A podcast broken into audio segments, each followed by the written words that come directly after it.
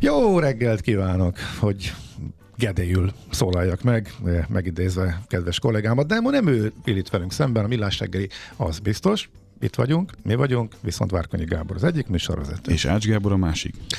És uh, egy... SMS, WhatsApp és Viber számunkat még nem mondtuk el ma. Para. Egyáltalán ehhez képest Akkor izzanak parancsolj. a falak. 0 36 98 0 98 0 ez az SMS, WhatsApp és Viber számunk. Szerencsére ez sok mindenki tudja magától. Emelj ki kettőt. Jók a témák és a zene is, kilencig maradhat a futós ritmus, hallgatjuk edzés közben is. Ha, jó, az jó, jó hangzik. Aztán kérlek szépen, annyi minden jött, annyi mindennel kapcsolatosan.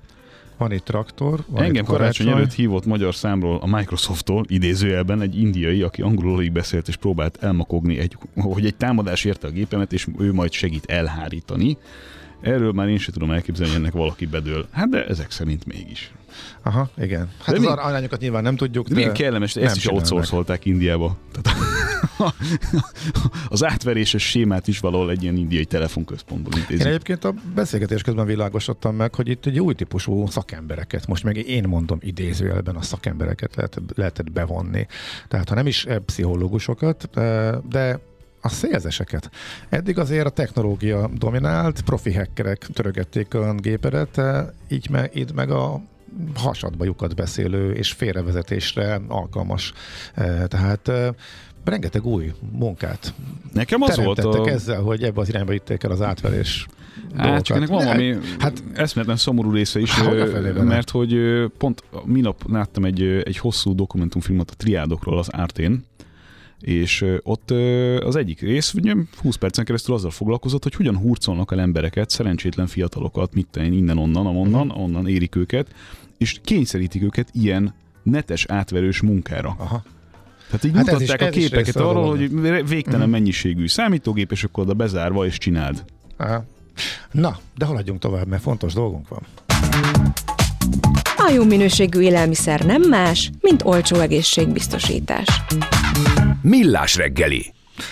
Mi lesz velünk a klímaváltozás kapcsán, illetve megfordítható erről? Tegnap is folytattunk egy érdekes beszélgetést Jürge Forsac Diánával, viszont egy nagyon izgalmas vita zajlik szakemberek között a 24.hu virtuális képzeletbeli hasábjain, és ott volt egy interjú Köves Alexandrával, ökológiai közgazdásztal, a Corvinus Egyetem docensével, aki ha lehet én is úgy éreztem, hogy ennél e, tovább megy, és e, pessimistább a jövőt illetően, mint e, más szakértők, és ő azt mondja, hogy igazából az egész globális gazdasági rendszert át kell alakítani, hogy ne megmeneküljünk. Hogy jól mondtam-e, vagy hogy mi is a lényege ennek a nem növekedés gazdaságpolitikának, erről kérdezzük tehát Köves Alexandrát, aki itt van velünk a vonalban. Jó reggelt kívánunk! Jó reggelt! Csokolom. Jó reggelt kívánok, köszönöm a, a meghívást. Nagyon érdekes, mert a, a legtöbb kollégám azt mondja, hogy én vagyok a legoptimistább Hú, ebben a témában.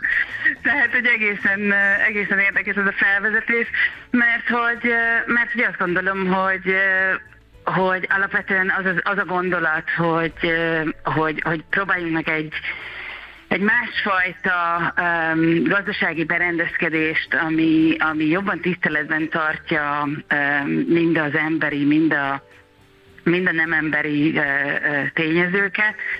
Szerintem az alapvetően egy, egy, egy jó dolog és, és erről szól az ökológiai közgazdaságtan, és, és pont, hogy, hogy hihetetlen optimizmus kell ahhoz, hogy azt mondjuk, hogy ezt meg lehet csinálni. Ja, Első... Persze, persze, e, ez optimizmus kell, igen, igen, ez nekem végig az motoszkált a fejemben, hogy ezt meg lehet csinálni, tehát ki és hogyan kezdje el, nyilván, meg mi lehet az út erre, de szerintem akkor először tegyük tisztába, hogy mi is ez a bizonyos ökológiai közgazdász, és milyen is lehetne ez a rendszer, ami már eléggé távol van a klasszikus kapitalizmustól. Á, igen, tehát hogy az ökológiai közgazdaságtan az arra az elképzelésre épül, hogy a gazdaságot nem tudjuk önmagában vizsgálni, a gazdaság az szorosan ö, ö, beépül a társadalomba, társadalmak szorosan beépülnek az, ökológi, az ökológiai rendszerekbe, és így aztán, hogyha akár a társadalomnak vannak növekedési korlátai, akár a, a, a földnek vannak bizonyos korlátai abban, hogy hogyan tudunk benne élni, akkor az egyértelműen korlátokat jelent a gazdaság számára is. Annyit kérdezhetek, hogy ez a zene, ez, ez csak nekem megy? Mm, mi nem halljuk annyira, de a, volt már Mert ezzel kapcsolatosan reklamáció. Aha, most akkor szerintem lejjebb van. Ó, de jó. Jaj, nagyon okay. jó, mert nagyon Elnézést a zavaró volt. Nem mi fülünkben nem zavaró, majd a hallgatókat is megkérdezzük, hogy nekik mennyire megy. Igen, igen, most talán akkor jobb. Jó, nagyon jó, köszönöm szépen. Szóval, hogy, hogy, hogy teljesen egyértelmű, hogyha ezt a típusú beágyazódást megértjük, akkor azt mondjuk, hogy, hogy, hogy bizony kell, a gazdaságnak vannak korlátai, és egy korlátos világban lehetetlen a korlátlan növekedés. Márpedig most ugye erre építünk. Hm. És, és hát nyilván ezt, ezt a kényszert, ami a növekedési kényszer, ezt kellene kivenni a rendszerből, és, és ez, ez nem tartana egyetlen egy területet sem úgy, ahogy volt. Két, két irány van uh-huh. szerintem meghatározóan, legalábbis amit én szoktam olvasni erről. Az egyik az az, ami azt mondja, hogy szükségszerűen vissza kell vennünk, tehát hogy mindenképpen egy jólét csökkenéssel fog járni egy új gazdasági berendezkedés, hogyha ökológiai szempontokat veszünk figyelembe. A másik, az optimistább megközelítés, az pedig azt mondja, hogy a hatékonysággal, a pazarlás visszavételével, a jobb, újabb okosabb mhm. berendezkedéssel fent tudjuk tartani azt az életszínvonalat, amit, amit jelenleg élvezünk. Mi az igazság? Vagy van-e ebben ellentmondás? Vagy, vagy lehet-e rávenni az embereket arra, hogy önként lemondjanak arról, hogy eddig éltek, ha ez kell, hogy bekövetkezzen? Ahhoz, hogy ezt a kérdést megválaszoljuk, szerintem nagyon, nagyon fontos, hogy foglalkozzunk azzal a kérdéssel, hogy mi most jól létről beszélünk, tehát anyagi javakról beszélünk, vagy jól létről beszélünk, well-beingről beszélünk, ami, ami egyszerűen arról szól, hogy egy jó életet hogyan tudunk biztosítani magunknak. És a kettő között ugye óriási különbség van, és ez valami, amiről nem beszélgetünk a jelenlegi társadalomba. Tehát, hogyha ezeket a korlátokat tiszteletbe tartjuk, akkor azt mondjuk, hogy valójában a gazdaságnak a szerepe az, hogy jó életet biztosítson mindenki számára a föld eltartó képességén belül. És innentől kezdve az, hogy miről kell lemondani, meg hogyan kell lemondani, az azon is múlik, hogy hogyan gondolkozunk arról, hogy mi ez a jó élet, vagy ebbe a jó életbe mi tartozik bele. Um, és kétségtelen, hogy, hogy, hogy mivel a, a, a Föld népességének a top 20%-a hozza létre az ökológiai problémák 80%-át, ezért ott abban a 20%-ban bizonyára vannak olyan dolgok, amikről le kell mondani. Csak az a kérdés, hogy ezt lemondásként értelmezzük, vagy átalakítjuk úgy az életünket, hogy, hogy, hogy bejönnek a nem anyagi fogyasztáson keresztül fontos, jól léti tényezők, és, és ezzel kezdünk el foglalkozni.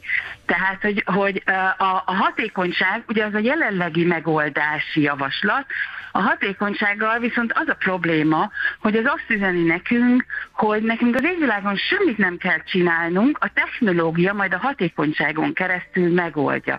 Ezt leválasztásnak hívják, decouplingnak hívják, tehát hogy egyszerűen ugyanúgy tudunk mindent csinálni, és majd a technológia leválasztja az ökológiai problémákat, arról a tevékenységről, amit mi csinálunk. Ezzel az a gond, hogy egyébként az empiria azt mutatja, hogy ez nem történik meg ez a leválasztás, mert hogyha valahol elérünk egy hatékonyságot, akkor ennek őrült módon örülünk, és, és többet és visszafordítjuk a növekedésre. Uh-huh. És miért többet Tehát, fogyasztunk? hogy, hogy, hogy a, igen, tehát hogy az abszolút uh, szétválasztás az nem jön létre, tehát hiába egy adott dolgot hatékonyabban tudunk megcsinálni, ha utána viszont egyre többet csinálunk, vagy ugyanabból, vagy, vagy, vagy átfordítjuk valami teljesen új dologra. Uh-huh. Tehát, hogy uh, hogy ezért van az, hogy az ökológiai közgazdászok azt mondják, hogy ezt a, ezt a, a, a technológia majd megold mindent, ezt, ezt azért erősen át kell gondolni, mert nem a technológia fogja megoldani, hanem a rendszer szintű változások fogják megoldani, amikor tiszteletbe tartjuk azokat, a, azokat az, e, a, az ökológiai korlátokat, és tiszteletbe tartjuk egyébként a, a, a másik kérdéskör, hogy ugye ha, ha azt mondjuk, hogy a gazdaság uh, funkciója arról kellene, hogy szóljon, hogy a jó életet biztosítsa mindenki számára az ökológiai eltartó képességen belül, akkor azt is mondjuk, hogy hát ez egy el, elosztási kérdés. Tehát, hogy, hogy ugye azon a, azokon a korlátokon belül, hogy mi ezt a jó életet hogyan biztosítjuk, ez egy elosztási kérdés, amit persze hát nyilván a, a világnak ezen a táján nem nagyon szeretünk hallani, de bárki, aki, aki, aki átgondolja ennek a kérdéskörét, az azt mondja, uh-huh. hogy hát természetes, tehát hogy ez, ez érthető. A jelenlegi gazdasági rendszer is, mondjuk úgy, hogy az egyedüli működőképes rendszernek az elmúlt néhány évszázad tanulság alapján a kapitalizmus tűnik, ahol ugye profit növekedésen keresztül, illetve hatékonyság növekedésen keresztül kellene jólétet biztosítani, de itt az ökológiai szempont nem nagyon volt figyelembe véve. Most egy jól egyszerűsítem le, mert vagy, igen, vagy... így van, így van. Na most ebből... Sőt, sőt igen? ugye az ökológiai rendszerekből vesztük tulajdonképpen azt a, mondjuk úgy, hogy, hogy benzint, ami ezt hajtotta. Uh-huh. Na most hogy lehet ezt úgy átalakítani? Ha kivesszük a, a profit szempontokat, akkor eltűnik a, a növekedés. Hogyha eltűnik a növekedés, eltűnik a, profittermelés, a pénztermelés, és mindenki visszafogja magát, akkor a megtermelt javak kevesebb megtert, megtermelt javat kell majd elosztani, az pedig egyből társadalmi feszültségekhez vezethet, nem? Plusz Ezt tegyük hozzá, átidalni? ahogy a hallgatók is írják, hogy azért ez egy globális kérdés, hogyha más nagyhatalmak máshogyan gondolják, akkor relatíve jobb pozícióba kerülnek, hogyha ők benne maradnak abban, amiből mi mondjuk Ez egy másik és fontos kérdés, igen. Tehát hiába megy el ebbe az irányba az egyik, hogyha a föld másik felén más rendszerben máshogy gondolkodnak. De a, a föld másik felén nem gondolkoznak más rendszerben, mert ugye ezek a rendszerek annyira durván össze vannak már kötve, hogyha mondjuk az Európai Unió elkezd más játékszabályok mentén játszani, akkor azért azt mindenhol meg, megérzik és, és teljesen egyértelmű, hogy, hogy ugye ezt, ezt önmagában nem lehet um, vizsgálni, tehát hogy például ennek az egész problémakörnek mondjuk a, a, az újkori gyarmatosítás, vagy, vagy a, a, a, a különböző ilyen globális problémák, ezek, ezek, ezek, ezek részét képezik. Viszont azért helyi szinteken, tehát hogy ez teljesen egyértelmű, hogy egy ilyen gazdaságban a, a relokalizáció, tehát az, hogy megnézzük, hogy helyben milyen erőforrásaink vannak, azokat hogy tudjuk a legjobban használni, és ebből hogyan tudjuk legjobban a, a, a jó életet biztosítani, ez, ez kulcskérdés, tehát hogy azért helyi szinteken is mindenféleképpen vizsgálni kell ezt a kérdéskört. És visszatérve a a másik kérdésre, a profit kérdésére, azért az nem, az nem teljesen egyértelmű, hogy, hogy öm, öm, hogy, hogy ez, ez egy az egybe venné ki ezt a típusú profit maximalizációt, vagyis hát, tehát hogy nem ez lenne az elsődleges kérdés. Az elsődleges kérdés az az lenne, hogy mi az a tevékenység, amit például egy cég ellát, az mivel járul hozzá akár az emberi jólléthez, akár ugye a, a, a regeneratív tevékenységekhez, hogy a környezetet egy kicsit vissza tudjuk állítani. Tehát, hogy, hogy, hogy, hogy megjelenik a, a cél, megjelenik a purpose, tehát, hogy, hogy egyáltalán mi, mi, az a, mi az a funkció, amit valami ellát. És innentől kezdve, hogyha, hogyha észrevesszük, hogy ezek, ezek tehát, hogy, hogy, hogy, hogy egy céget nem tudunk önmagában vizsgálni, hanem rákényszerülünk arra, hogy a környezetén belül vizsgáljuk, és ezt a társadalom el is várja tőle, akkor innentől kezdve ugye az érintetti szemlélet, ami, ami most egy ilyen, hát nagyon szép, ha van, az az, a, az, az az abszolút elvárás lesz, tehát az az abszolút alap lesz, hogy én megnézem, hogy azok a tevékenységek, amiket én csinálok, azzal, azzal, azzal milyen hatásokat váltok ki bárhol a rendszeren belül. Uh-huh. És ezt, ezt számon is kérik tőlünk. Tehát, hogy, hogy és, és a, a, profit, a profit sem, tehát, hogy, hogy, hogy a, nem, nem az a gond, hogy, hogy, hogy profit létezik, az a gond, ahogyan az a profit akkumulálódik, és ahogyan aztán az, amilyen funkciókat ellát, vagy, vagy amilyen tevékenységeken keresztül generálódik. Tehát, hogy nem érdemes csak ebből a szempontból nézni ezt a történetet. Nagyon jól hangzik egyébként, hogy dolgozzunk jóval kevesebbet, foglalkozzunk értelmes dolgokkal, többet beszélgessünk, többet legyünk otthon. Teljesen értelmetlen és felesleges ennyit dolgozni, mert felesleges javakat gyártunk. De hol kezdjük el? Tehát hogy túl tudunk lépni azon, hogy ez egy utópia legyen? Nagyon sok az ellenérdekelt fél, meg a rövidlátás az, az, az jellemző, elterjedt, nehéz ezen túllépni. Tehát hol lehetne áttörni a falat és elindulni ebbe az irányba, hogyha a gyakorlati részt hát, De nagyon sok az érdekelt fél is, tehát hogy azért, azért mindannyian szeretnénk egy kicsit jobban élni, egy kicsit boldogabbak lenni, vagy nem tudom, tehát hogy, uh-huh.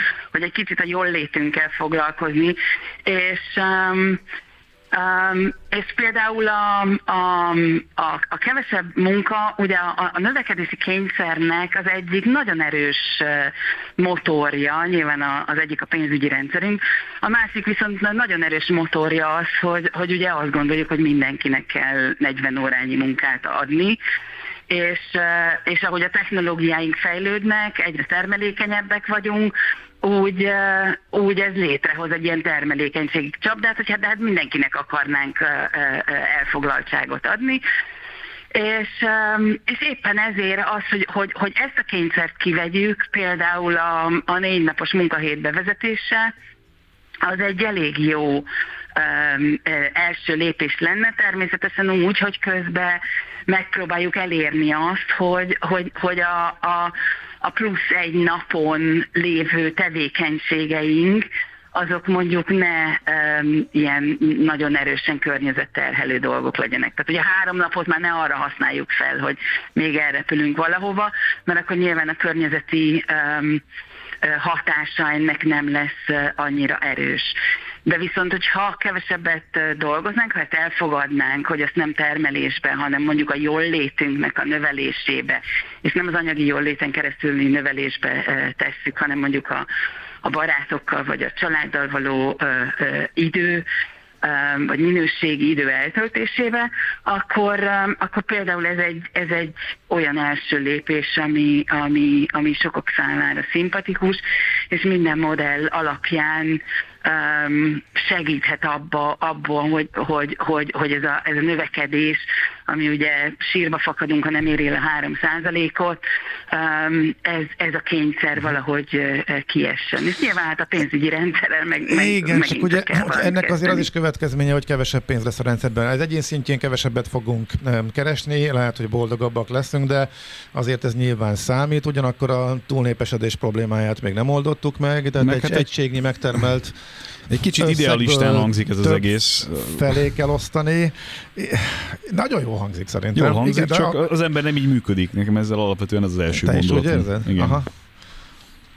Hát szerintem az ember úgy működik, ahogy, uh, ahogy gondolkodunk róla. Uh-huh. Tehát, hogy, uh, a működést hogy, kéne hogy, megváltoztatni a gondolkodást. Hogy nagyon-nagyon Hát, de hogy, hogy, hogy az a baj, hogy amikor azt mondjuk, hogy az ember ilyen vagy olyan, akkor az, az rátesz minket egy olyan vágányra, amit aztán nem kérdőjelezünk meg. De közben az ember ennél sokkal bonyolultabb.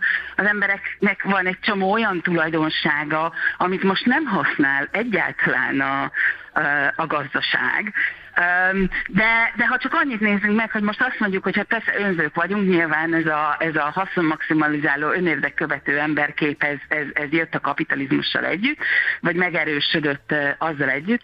De hát gondoljunk már abba bele, hogy valójában az emberi civilizáció az pont, hogy az együttműködésen keresztül jött létre. Tehát, hogy, hogy hihetetlen uh, uh, együttműködések kellenek ahhoz, hogy, hogy ezt, ezt, ezt, ezt működtethessük Tehát, hogyha meg, hogyha meg azt mondjuk, hogy hát úristen, hát erre vagyunk képesek, és erre építünk fel gazdasági logikát, az meg már egy teljesen más ö, ö, intézményrendszert hozna létre. Oké, okay, hát nagyon szépen köszönjük.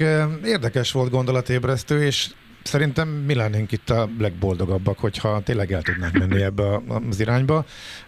Hallgatók nyilván nem hiszik el nekem, de én tök szívesen dolgoznék kevesebbet és kóricálnék a természetben, és sokkal ritkábban cserélném a telefonomat, amúgy is problémákat okoz, úgyhogy Hadd nagyon jó az ellenpontot. De, jó? Valaki már támogat. És kevesebbet is repülnék, nyilván mielőtt a hallgatók leütik a magas labdát, tehát ez természetesen így van.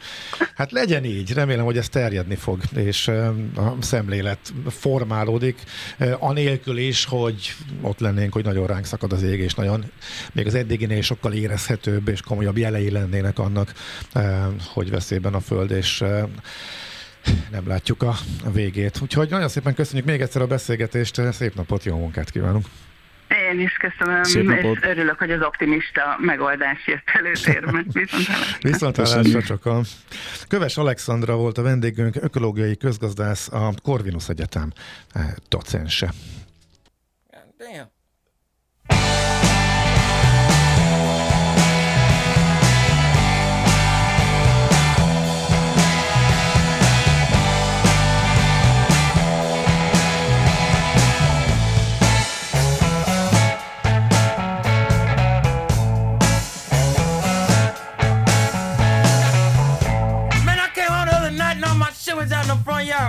Said, could be one thing going on. That crazy ass girl of mine, let me go up in here and see what's wrong with her this time. Went up in the house, she's sitting there looking all crazy. I said, what's wrong, baby? She said, you don't love me. I said, you know I love you. She said, no, you don't. You stay out all night with your friends drinking and carrying on. Don't even think to call me and let me know where you at. I said, well, hold on, baby. Let me tell you one more time. Maybe you believe me. So I told her something like this.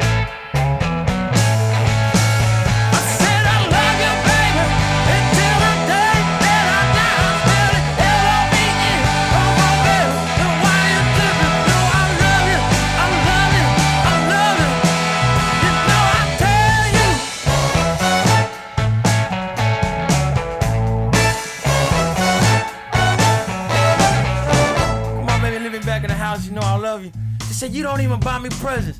Yeah, I did. I bought you a box of chicken, but I ate it on the way home.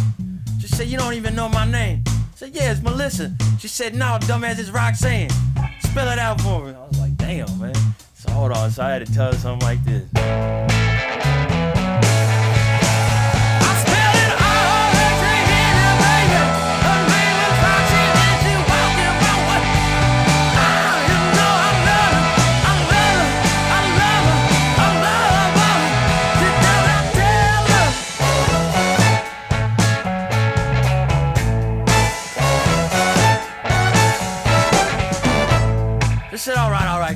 Baby, you can come back inside. I love you. I can't say no to you. I knew she couldn't, and I thought we was gonna go make some love, but I heard her knock at the door. Man, goddamn, who is it, man? I apologize for knocking so hard. This is APD. We're looking for Black Joe Lewis. Hold on, man, he's in the back. Let me go get him for you. Someone's in the back of the house, man, and she was sitting there. She said, where you going? I said, baby, I got to go.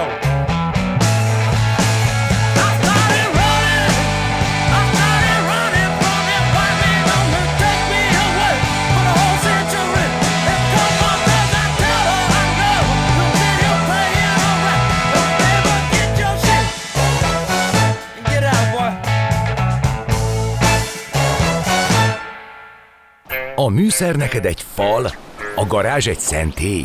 A sebről a váltó jut az eszedbe. Zavar, ha valaki ellel mondja a rükvercet? Akkor neked való a futómű, a millás reggeli autóipari rovata. Hírek, eladások, új modellek, autós élet. Kressz. Na, hát nagyot álmodott a Joe. Aztán Jaj, mi, ne, ne, ne, belőle? Kérlek, csak tiszteljük már meg. Fölvezet... Mercedes, nem Merjo. Fölvezettem a témádat. Kicsit, Nagyon, de nem. Próbáltam nem. alá dolgozni, már ez is Mercedes. Baj. Zavart téged a mergyózás? Nagyon. És a bömösözés is? Az is. Minden hasonló? Minden ilyesmi. Borzasztó. De, de, de miért mitől vagy ez szakbarbára? Most te, nem, hát ez csak meg... az autó esetében, vagy máshol is? Hát amikor ilyen, ilyen nem tudom, kicsit degradálásba hajló slang. Ezt én nem szeretem. Jaj, hát hogy mikor hajlik degradálásba, Mert azt mindenki máshogy érzi. Mercedes-Benz. Mercedes-Benz. De ne felejtsük a benzet a végéről az egész beszélgetés. fontos. Jó. Hát hiszen ez kettő darab ember. Érted? Nem egy. Meg egyébként is. Mercedes eleve nem az az... Na, Ez szóval, a pont, Daimler-Benz szerintem a hallgató nem tudja eldönteni, hogy most szivatsz minket, vagy pedig ez teljesen komolyan vér gondolod. komolyan gondolom. Én Na, mindig mindegy. mindent vér komolyan Jó gondolom. van, szakmázzunk. Arról van szó, hogy ugye itt a nagy átalakulásban, megint messziről próbálom egy kicsit húzni az ívet előre, hogy, hogy mindenkinek kellő beleélő képességgel tudjam elmesélni, hogy, hogy mi történik éppen a Mercedes házatáján. Szóval arról van szó, hogy hatalmas dilemma az átalakulás közepette újra fogalmazni egy prémium gyártónak a szerepét és az üzleti modelljét. Mert ahogyan megyünk bele az elektromosságba, a mechanikai tulajdonságok egyre kevésbé fontosak, és egyre kevésbé számítanak ilyen unique selling pointnak. Tehát a tíz év múlva az, hogy 12 hengeres lesz egy autó, vagy milyen futóműve van, vagy ilyesmi, eh, sokkal kevésbé lesz fontos, mint hogy milyen eh, user experience-t tud adni egy autó. Most bocsánat, hogy ilyen külföldi fogalmakkal dobálózom. Ne, ne, igen, de tessék visszafogni, mert De- nem beszélünk külföldiül. De a, a lényeg talán annyi, hogy, hogy azt mindenki el tudja képzelni, hogy milyen, milyen problematikát jelent az, amikor a villanyautó a karakterek egy részét ugye zárójelbe teszi a jövőben. Jó hiszen van, nehéz dolga van a Mer- uh, Mercedesnek. a- Be- Mercedes Benznek. Mercedes-Benznek. Igen, igen.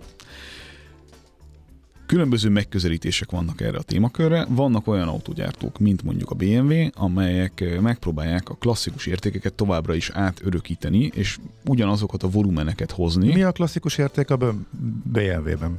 mondjuk a vezetési élmény ami akkor is egy fontos attribútuma lesz ennek a márkának, amikor más jellegű autókkal fogunk És ez közlekedni. nem megtartható elektromos formában? Nehezebb azt a, azt a azt a nagyon más karaktert és hangulatot adni akkor, amikor körülbelül egyen technikáról beszélünk. Tehát akkor, amikor a belső égési határozta meg a világ autógyártását, még azért így lesz egy ideig, akkor a henger elrendezés, a súlyeloszlás, a váltó jellege, sok a kormányzásnak a, a hangoltsága, nagyon sok minden nagyon egyedi karaktert tudott adni egy autónak. Nem azt akarom ezzel mondani, hogy a villanyautók alapvetően ugyanolyanok, de azt igen, hogy sokkal nehezebb egy markáns karaktert vezetési szempontból kihozni a dologból a többi villanyautóhoz képest. Jó, hát ezt Erre- az érti, aki sok Mercedes, Benzet és BMW-t vezetett. Igen, csak tehát azt értsd meg, hogy akkor, amikor az autógyártás egy akkumulátorról, meg egy villanymotorról fog szólni, meg arról, hogy hardware helyett szoftver alapon fogod meghatározni magadat, és egyébként ehhez még valamilyen körítést is kell adni, akkor tényleg nagyon nehéz indokolni azt, és ez látszik az eladási ö, statisztikákban is, hogy egy körülbelül ugyanazt tudó autóért miért adjál háromszor, négyszer annyit adott esetben, ha az luxusként vagy prémiumként van definiálva. Ezzel a, a problémával, ezzel a ezzel a kérdéskörrel egyszerűen minden gyártónak valamit kezdenie kell, mert a jövőben ez alapvetően azért tényleg máshogyan lesz fölállítva. Az is teljesen világosan látszik, hogy elektromosság szempontjából a hitelesség az azoknál a gyártóknál van, a vásárlók szemszögéből nézve, akik újak. Azoktól a Hát gyártóktól, miért? mert az egy ilyen van topic, egy ilyen egy, egy, egy témakörös történet. Tehát ö, Hát most nem tudom, miről beszélsz, mert én megy, tényleg mezei átlagos autósként öm, szívesebben és hamarabb vennék elektromos autót egy régi bejáratott gyártótól, mint egy vadi újtól. de nem veszel elektromos autót.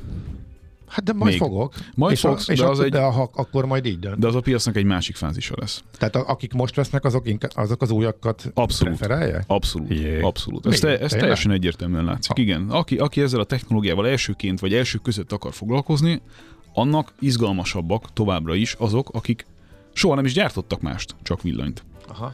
Ez minden fejlett piacon megfigyelhető alapvetően. És a Mercedesnél azt a stratégiát találta ki Ola Källenius, a jelenlegi vezető, hogy nem lesz probléma hosszú távon az, hogyha a Mercedes nem egy klasszikus prémium gyártóként definiálják, és visszafordítják azokat a növekedési folyamatokat, amiket az előző 20-30-40 évben elindítottak. Tehát ugye eddig úgy nézett ki a képlet, hogy a klasszikus luxusautógyártók hatoltak egyre inkább azokba a szférákba, ahol a tömeggyártók határozták meg a, a, a, a képletet.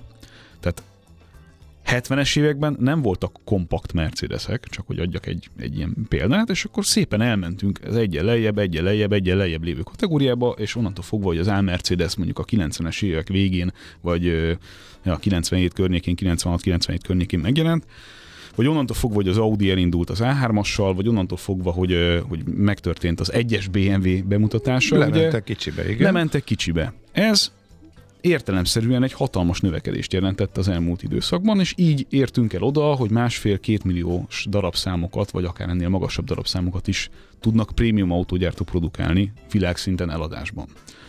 De az látszik, és ezt, ezt szerintem egyébként alapvetően ezt a dilemmát jól fogalmazta meg Kellenius, hogy az látszik, hogy egyre nehezebb lesz kompetitív módon pénzt keresni egy olyan szegmensben, ahol eleve elég drágák az autók már, tehát ugye a kisebb autók és a kompakt autók is jelentősen drágultak, és nem feltétlenül akarják a jövőben, ez volt az elképzelés, a jövőben degradálni a Mercedes státuszát azzal, hogy könnyen elérhetővé teszik alacsonyabb státuszban lévő emberek számára is azt, hogy új Mercedes tudjanak venni. Ez, Hanem akkor mit csinálnak?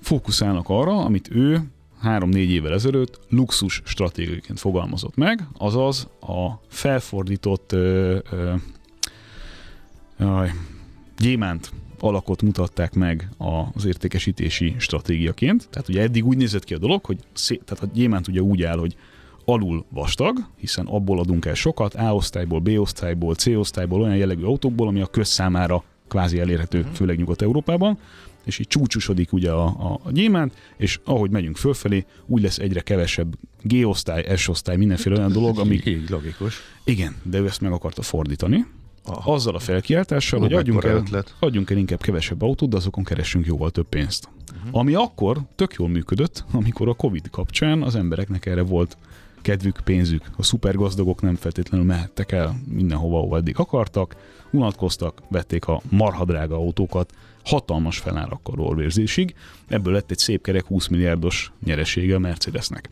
Csak hogy most beköszöntött újra a való élet, Hát meg abból, hogy hiány lett autókból, meg így van. Társaim, igen. Beköszöntött újra a való élet, és az a stratégia, amit luxusként apostrofált Kalenius, és amit nagyjából annyival lehet összefoglalni, hogy rátettek mindenre 20%-ot a konkurensekhez képest árban, de jelentősen nem változott egyébként az alapvető struktúra.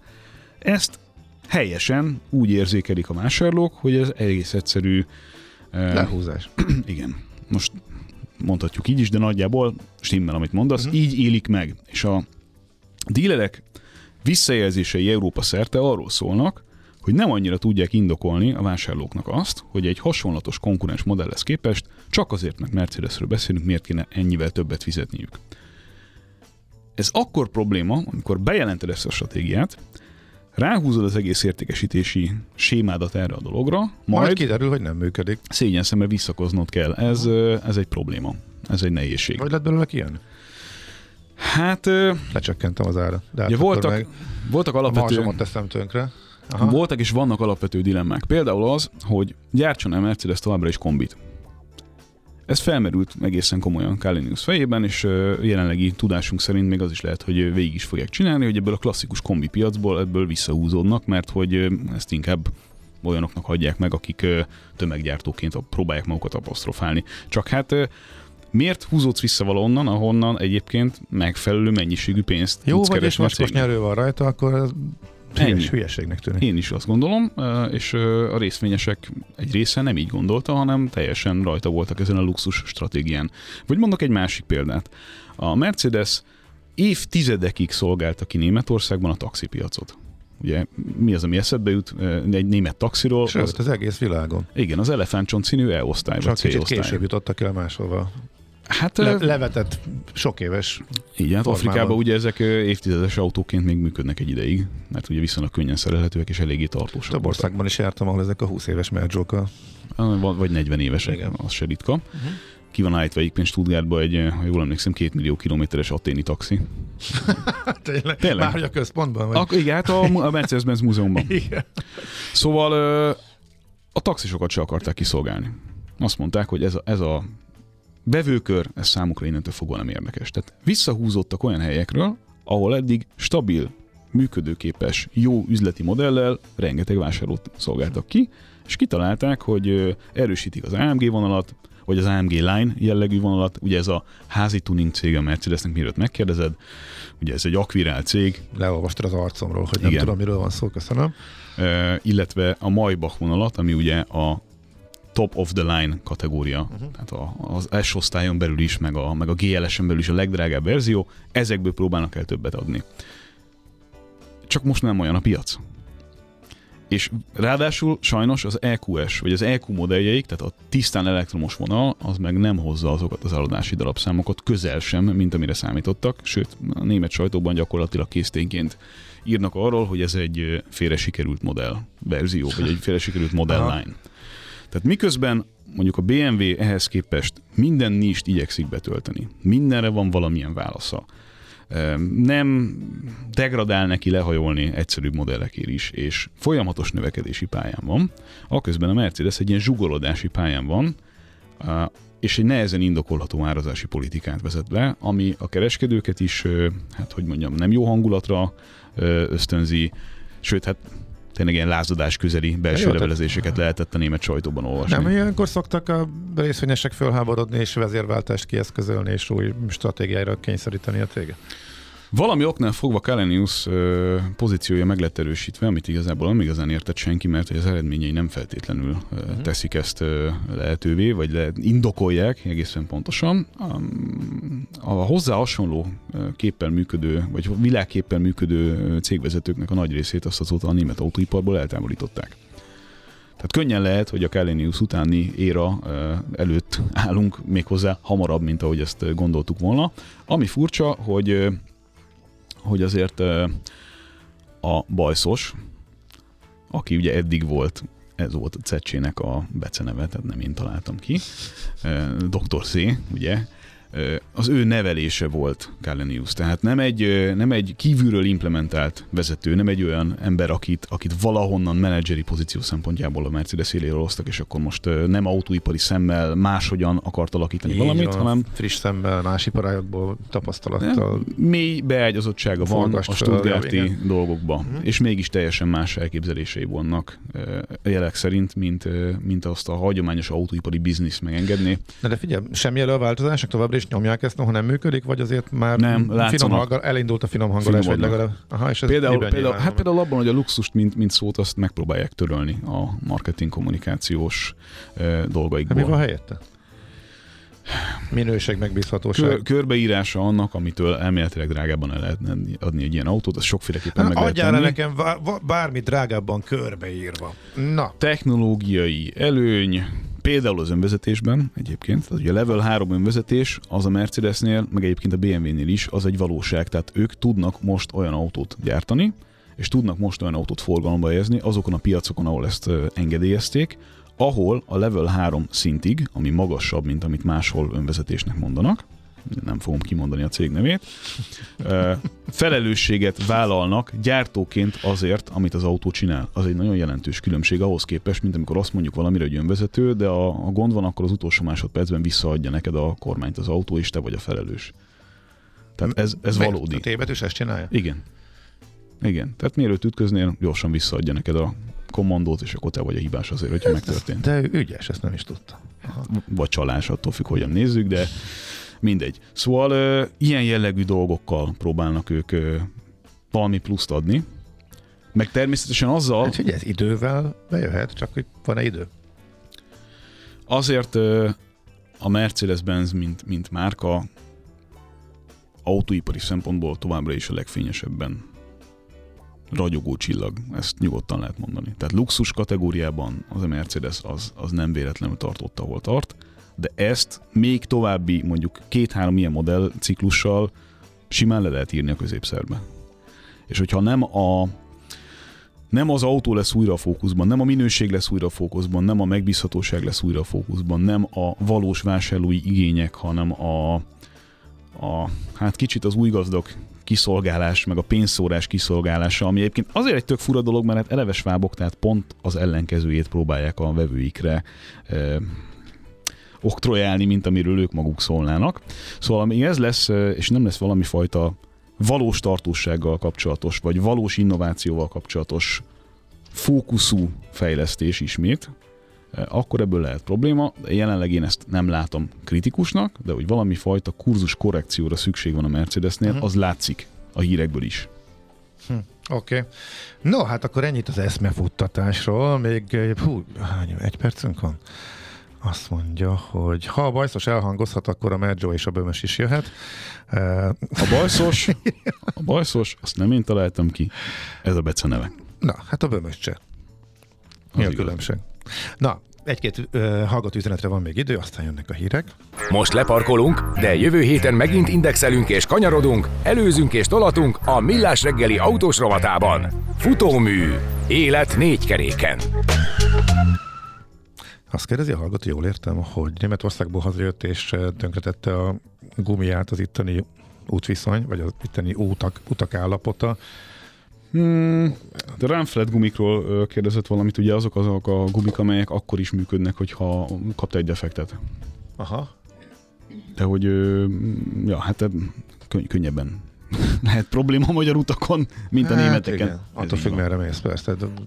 Tudsz úgy közlekedni, hogy semmi probléma ne legyen, de hát Hát, igen. Szerintem nem lehet ezt általánosságban megfejteni. Nem lehet vannak po- pocsék szakaszok, egyre kevesebb egyébként, de igen, nem tudunk több, többet hozzátenni. Mi volt a másik, amit néztél? hogy miért lehet egy GLB-be francia motort rakni? Hát azért, mert ezt kooperációban hozták létre annak idején, akkor, amikor... Mi az a GLB? Az a kicsi, vagy kicsinek számító, kompakt méretű SUV Mercedes. Aha, igen. Tehát, hogy miért, Franc, van, miért van benne olyan motor, amit a, motor. Amit, a, amit a Renault-ban is használnak? Azért, mert amikor még két legendás autóipari vezető volt az autóiparban, az egyik Carlos barátunk, aki a hegedűtokban távozott, Igen. a másik pedig a bajszos. Szóval amikor ők még nagy barátságban voltak, és volt még mondani valójuk a világ autóiparában, akkor ők nagyon sok területen kooperáltak céges Aha. szinten. Tehát a Renault-Nissan csoport és a Mercedes az sok fejlesztésben próbálta a költségeket és a szinergia effektusokat eh, megfelelőképpen használni. Uh-huh. Oké. Okay. Bömbiben is van ilyen. A hallgatók, nem kér... motor az nincs benne. a hallgatók nem kérdésekkel provokálnak, hanem mezei hozzászólásokkal. Ezeket külön köszönjük. Jönnek a hírek, és megnézzük a további kérdéseket.